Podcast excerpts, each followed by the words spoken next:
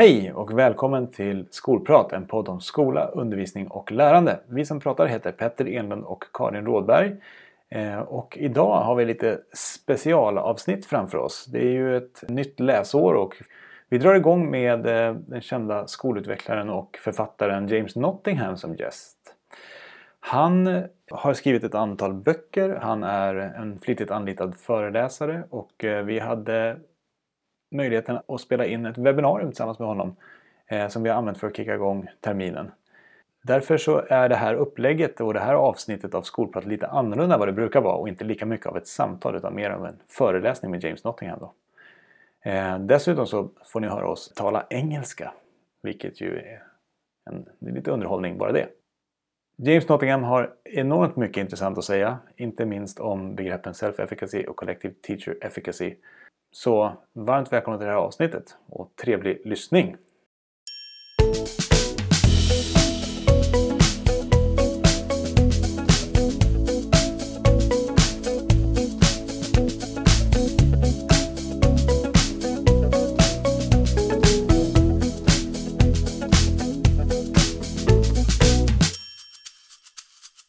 Welcome to this kickoff webinar. My name is Karin Rådberg. And uh, my name is Petter Enlund. And we are teachers. Uh, we work as pedagogical project managers at Kunskapsskolan. So we work together with schools, teachers, and principals in order to improve teaching and learning in our schools across Sweden. We also produce a podcast called Skolprat. And uh, today we are having this welcome to the new school year kickoff webinar uh, with a special guest all the way from the UK. Welcome, James Nottingham. Thank you very much. It's lovely to be with you both. And uh, I'm joining you from the Challenging Learning head offices in Northumberland. It's uh, pretty empty. We've got one member of staff, my favourite member of staff, but don't tell anybody. Um, but everyone else is furloughed and uh, working from home right now. It's great to be with you both today. Well, uh, our pleasure. Uh, so the purpose of this is to inspire and share some useful research-based insights about teaching and learning. And we also want to focus on some of your ideas about what is important to think about as we prepare for the new school year, of course. Of course, I'll try my best. Uh, I hope it will be of uh, interest to everybody uh, listening today. So, I've written a number of books, the Swedish version of Challenging Mindset. That is the one that you can find more about some of the ideas that I'm going to talk about today. Um, what we're going to focus on is what is important to think about as you start the new school year. Um, I'm going to talk about efficacy, particularly, um, and I'm going to start with collective efficacy. Collective efficacy relates to the belief that we are the team who can significantly, and not just a little bit, but significantly improve all students' competence, their behavior, their motivation, their, uh, shall we say, social capabilities, and their attitudes to learning. Now, that is not an exhaustive list, but it is those are the key parts. Not only is it a belief, though, it's also to do with the evidence. This is the evidence of progress. So if the staff, if all of you are going to have collective efficacy, then you need to look around your personnel room and think to yourselves we are the team. We are the right people. We are the ones who can help every single student, not just most of them, not just the good students, not just the ones who enjoy school, but everybody. We can help every single student make significant progress. And here's the evidence of us doing exactly that. Now, efficacy is a fairly new term.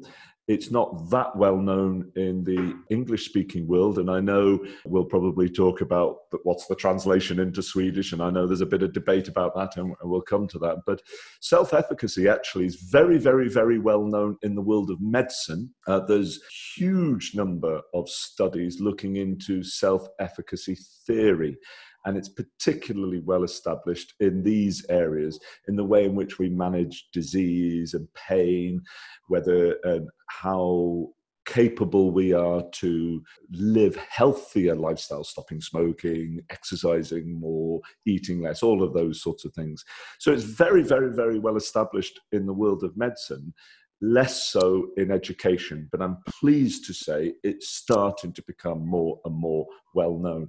And I would suggest that it's maybe even more important than self esteem. And I'm sure we'll come to the differences shortly. But let me break it down a bit for you. Self efficacy in education can be broken down into your sense about your competence, your ability.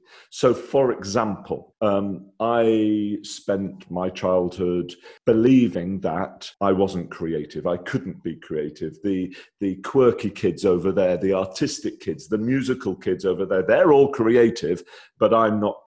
If I have high self efficacy, I would believe that I could become more creative. It's going to take effort, it's going to take encouragement, it's going to take desire, it's going to take a lot of hours, it's going to take some good support from some really good teachers.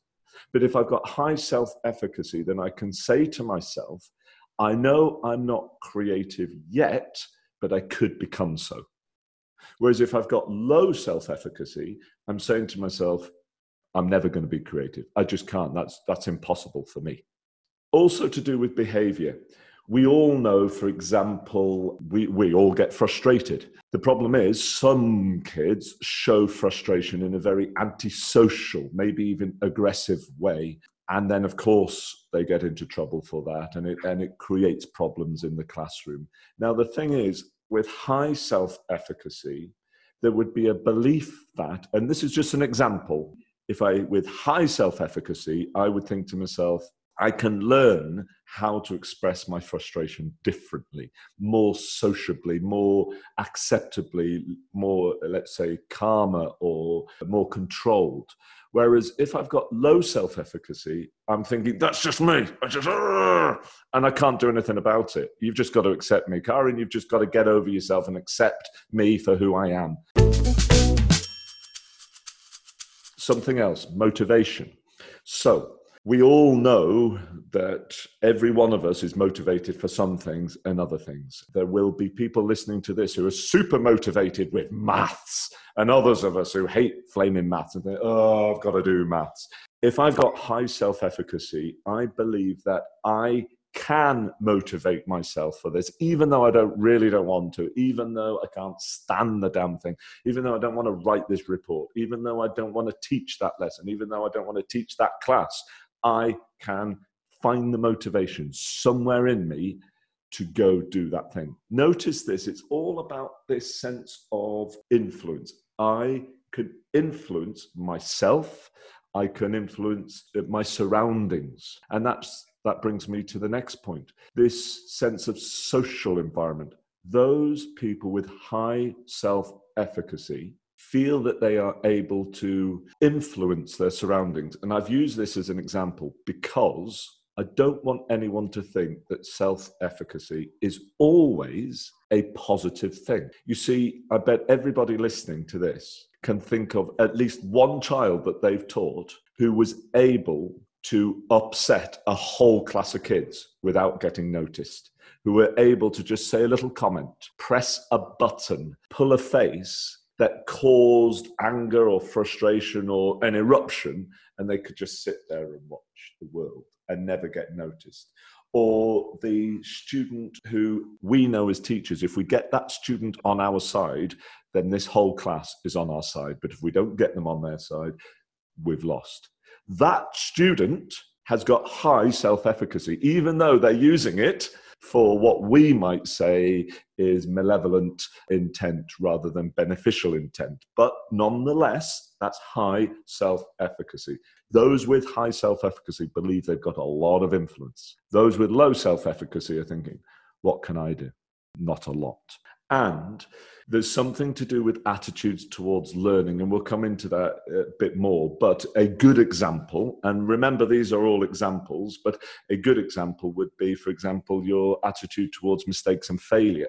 A lot of people meet mistakes with embarrassment, with a wish to hide them Whereas those with high self efficacy would be greeting mistakes with a, well, what did I do wrong? Let me examine it. Let me learn from it. Let me design the next steps. In other words, I can do something about these mistakes. Same goes for failure. When I fail, if I've got low self efficacy, I think, well, that's the end of it then. That's just proved I can't do it. But with high self efficacy, I'm thinking to myself, there are ways I can learn from this. There are ways I can design and develop and build so we're even better next time. Now, let me just round up this introduction by talking about this sense of collective efficacy. I personally am quite dubious of the prize giving that we award to one teacher, that we identify the best teacher. Now, I know there are ways to do it that can be better, but I think that the African proverb, it takes a whole village to raise a child, is worth remembering. It takes us all. If my students in my class do well, it's not just because of me. It's because of me, of course, but it's because of them. It's because of my colleagues who have supported me. It's because of the principal who has given me that opportunity. It is the environment I find myself in. It is all of my colleagues who are helping me on that quest. It is everybody who's looked out for those students when I'm not there. So I think it takes a whole village to raise a child. And I think that links in beautifully with this sense of collective efficacy. Now, one thing before I finish research. We need to think about the research. What is the research into this? Well, unfortunately, there's only two meta analyses. When you compare that to, let's say, feedback, where there's more than 50 meta analyses, only two meta analyses is not a lot. Having said that, that involves 61 studies. So it is pretty good, but not amazing. But here is what is stunning the effect size of all of us having a collective sense of efficacy 1.39. What does that mean? That means students in this school with very high collective efficacy make three to four times the amount of normal progress than other students do. So, if we were looking in the Swedish context, this school in this town with this staff with a collective sense of efficacy make three to four times as much progress as another school in another part of Sweden just remarkable. But we have to be careful. There's only two meta analyses, only 61 studies within that. So, in terms of a confidence rating, we might give it two out of five. So, five out of five would be the very, very best. Two out of five, you can see. We have to be careful with this. But nonetheless, it's very, very interesting. And nonetheless, the evidence is pretty strong, not very, but pretty strong, that if we get this right, look at the power.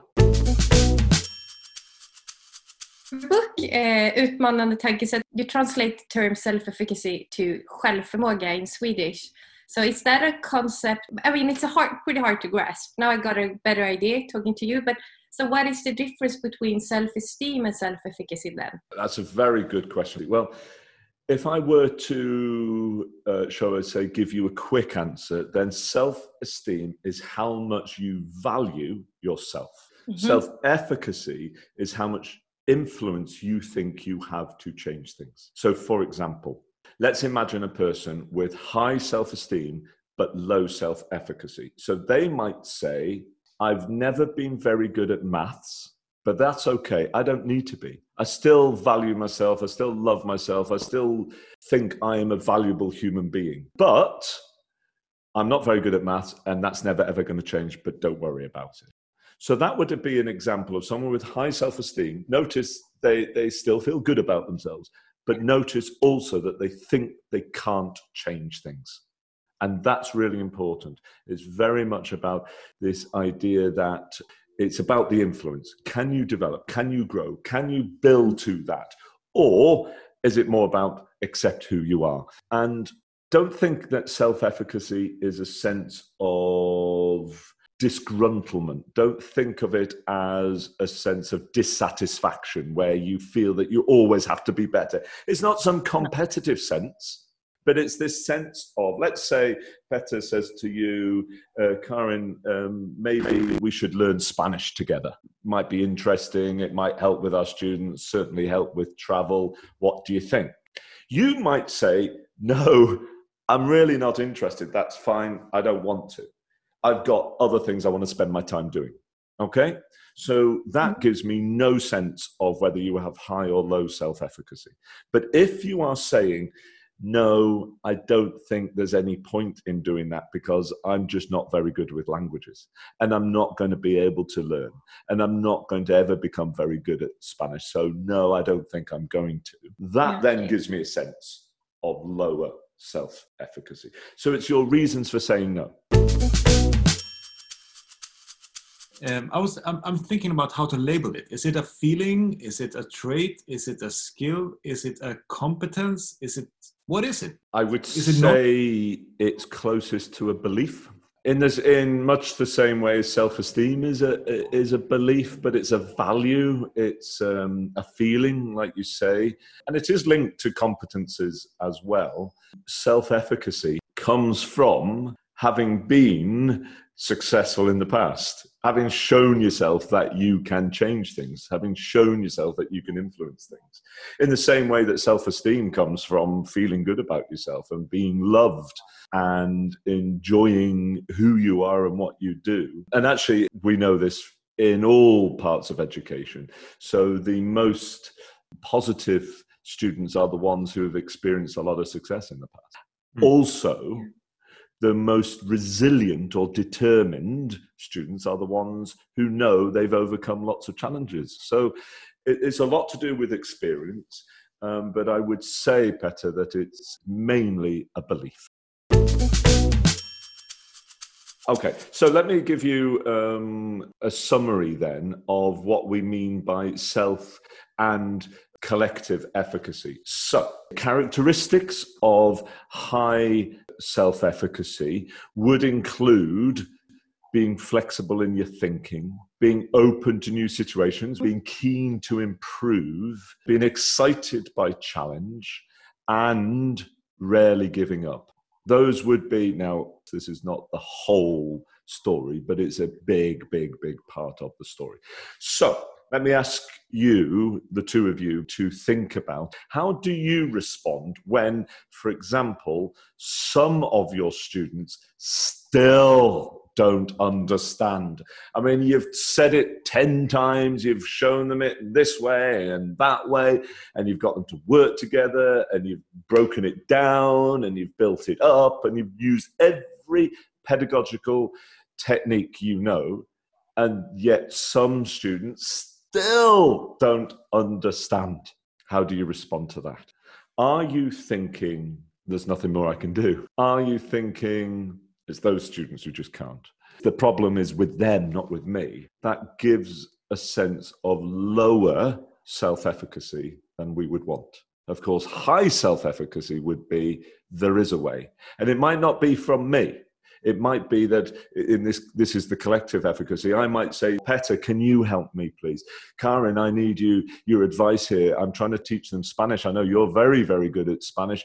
I, I'm wondering how do it, do I, how do I introduce these grammar rules so that they understand it? There are ways to do it. And that, and notice high self efficacy doesn't mean do it by yourself. It means the belief that there are things we can do and we're going to go and get that help that that advice that, that that instruction. What about if people regard you as the best teacher? The best teacher of spanish the best teacher of swedish the best teacher in this school. How do you respond? People with low self-efficacy are quite likely to say yep it's true notice that That's, that seems a bit weird doesn't it but that's high self esteem. But actually, that points to lower self efficacy. People with high self efficacy are likely to say, Well, I'm not sure what you mean by that, because I don't know if there is such a thing as the best teacher. There is best teaching. There are ways in which I've done a good job, but there's always things I can improve. And maybe this has worked very well and it's delightful to see that it's the results are really good. But what about teaching resilience, determination, uh, making them happy, um, teaching creativity, teaching them independent thinking, for example? You know, some of the so called best teachers are the ones that kids are hooked on and rely on too much. Mm-hmm. So if I have high self efficacy, I would be questioning that. As, as, if there's this idea that either you're a good teacher or you're bad, and that's the end of it. Whereas high efficacy is about we can all improve. And one more example for you to think about, and maybe, and you'll wonder where on earth I got this creative idea from. But just imagine a world pandemic hits us and it changes how and when we educate our kids. Just imagine the creativity it took to come up with that idea. But here's the thing there are schools around the world who have gone into panic mode, who have said, well, we can't do it. And so they've just sent worksheets to the kids. Whereas other schools have said, we're all in the learning pit together. We're all in this new situation. Let's learn together.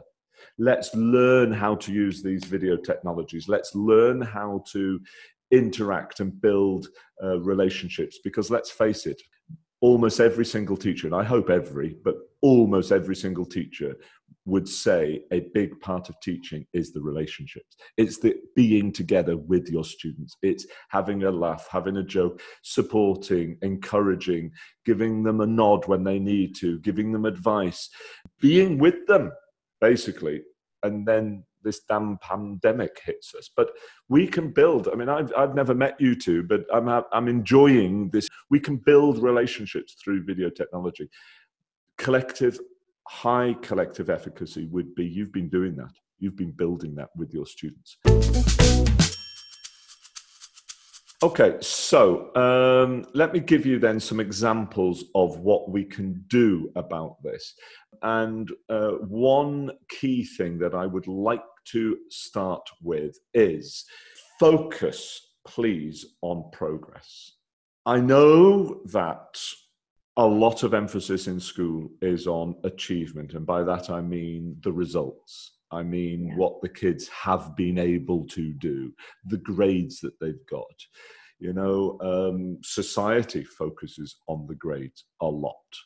But I'm asking you to focus on progress. Because remember if i bring you all the way back to uh, what i talked about in terms of collective efficacy we talked about these we said these are the things we have to work on and we have to show evidence of that progress. So how many of the schools put artwork on the walls? And this is an example. And i would say the vast majority and my request is please don't put artwork on the walls.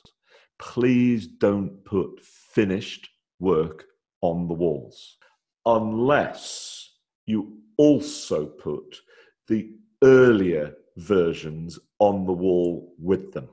It shows progress. It still celebrates their artwork. But what is yeah. the story? And it is an ethical decision about what is it that I'm showing I value. Here's the problem art yeah. departments around the world have got stunning, stunning artwork on the wall like that. And mm. to the kids who think of themselves as artists, that's very inspiring. To everyone else, it risks everyone else thinking that is amazing, but I could never do it it risks lowering not only their self efficacy, but also their self esteem. My, one of my absolute favorites. Now, uh, in uh, the UK, our kids start full time school at the age of four, four and a half, five, something like that. And in this particular school, uh, what they did was they asked all of the four year olds as they were starting school, What do you think science is all about? And whatever the children said, an adult would write down whatever they said, and the child did a drawing.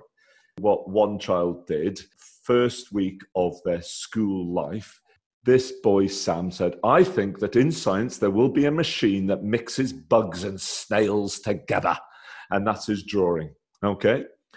Six weeks later, all the children are asked again, What do you think happens in science? And here's the same kid six weeks later saying, in science, we will do experiments and we will learn about space, gas, fossils, weather, the human body, and absolutely everything. And there's his four drawings one of experiments, one's of petrol, one of fossils, and one of planets. Put those side by side. Now, what are we saying? If I only put that up together with everyone else's, I'm saying, look what some kids know compared to others who don't know. And I think that's a problem. But if we yeah. put that together with this, now what we're saying is look what Sam knew six weeks ago, look what he understands now. Progress is key. Now, please don't think that progress is always linear. I mean, I'm the guy who created the learning pit, for goodness sake. You know that I think that progress is kind of a bumpy journey and you take one step forward and you take two steps back and so on.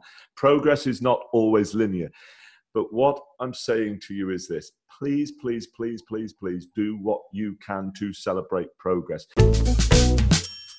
Now, when it comes to your question, Petter, about should we, you know, about the should we have agreement about uh, the way in which we teach and so on, how Karin shows progress in Spanish is just like amazing to me because I don't understand Spanish. How, Petter, you show um, development in uh, computing, for example, is out of my realm. But here's the thing if all three of us, with our students, are all showing progress, then those children know we live by the same values. And those children know, and their parents know, that we are helping them to grow.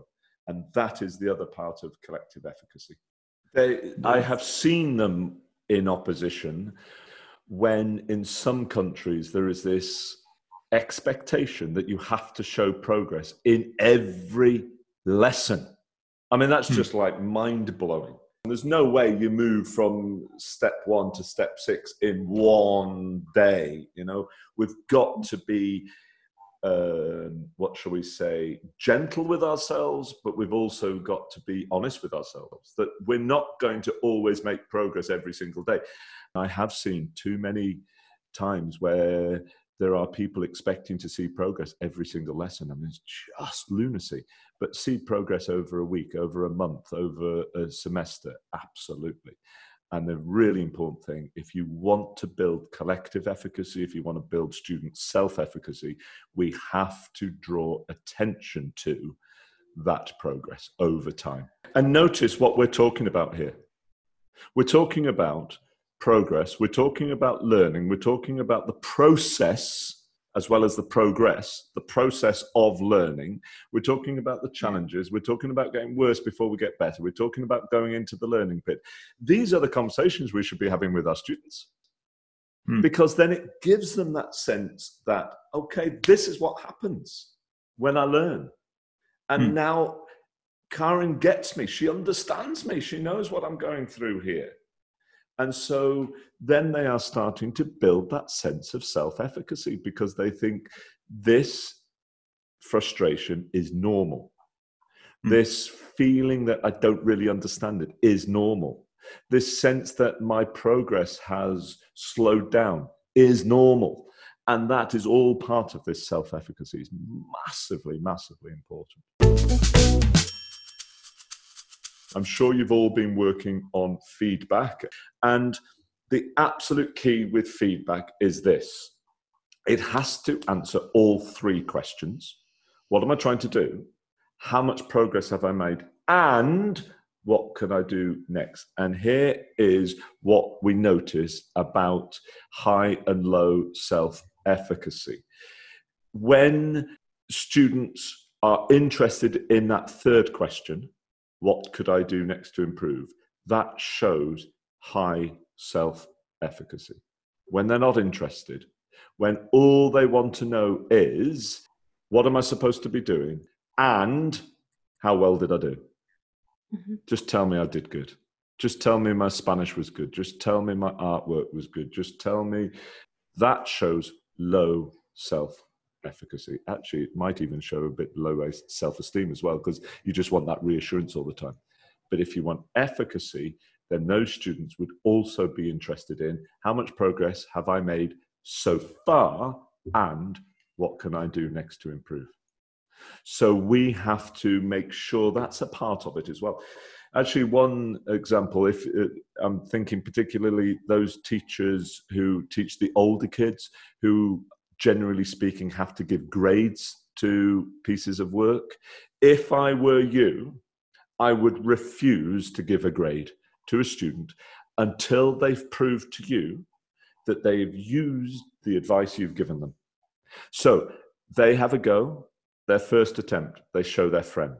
Their friend suggests some things that they can do to improve. They then take that and they do the very best they can. They show you. You take a look at it and you say, I really like this. That's great. That's very effective. What I think you should do is add this, change that, and develop this a bit more.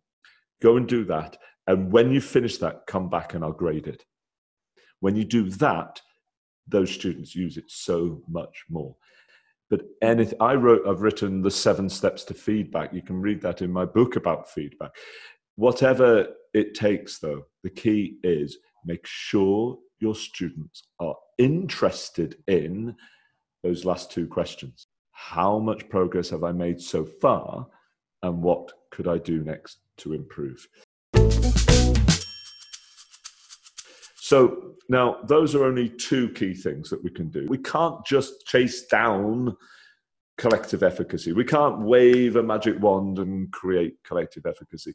There are a huge number of different pieces to the jigsaw. And I've just shared two with you, but I think I've shared two of arguably the most effective and most important.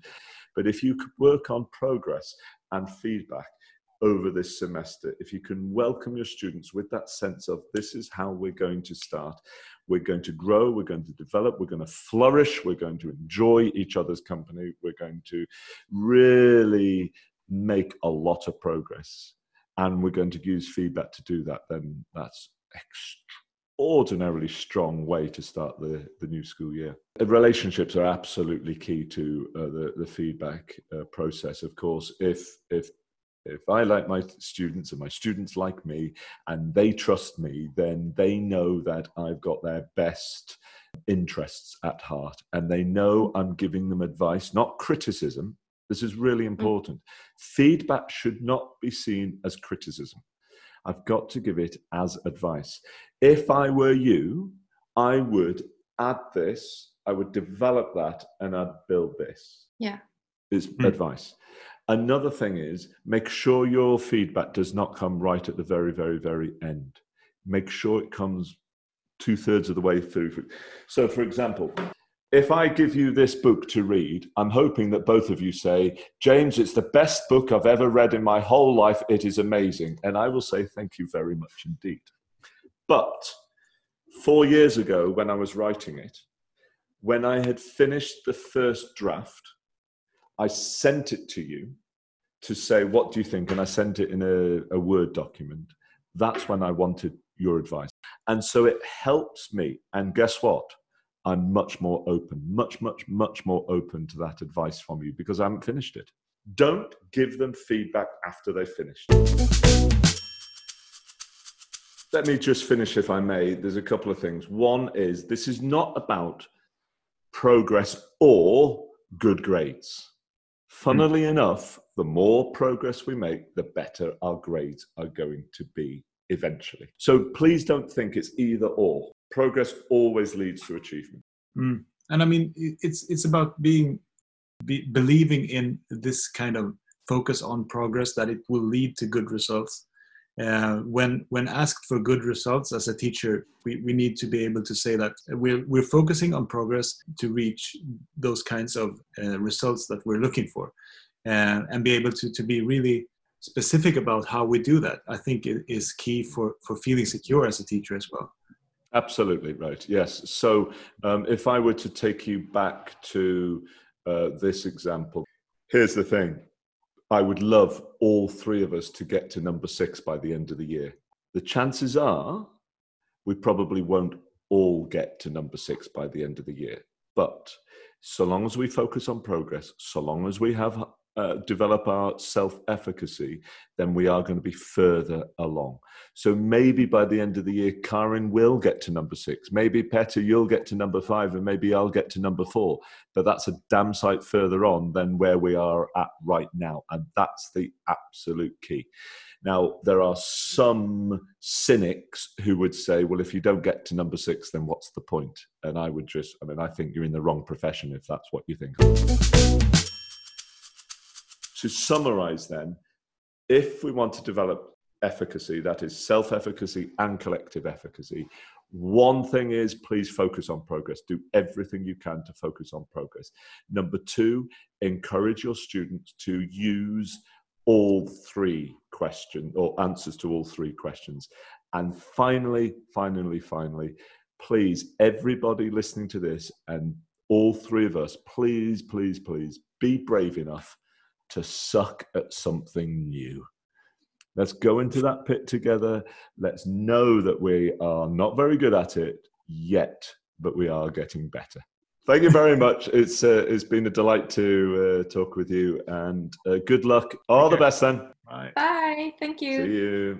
Skolprat är en podd om skola, undervisning och lärande med oss Karin Rådberg och Petter Enlund, projekt och utvecklingsledare på Kunskapsskolan. tack för att ni lyssnat.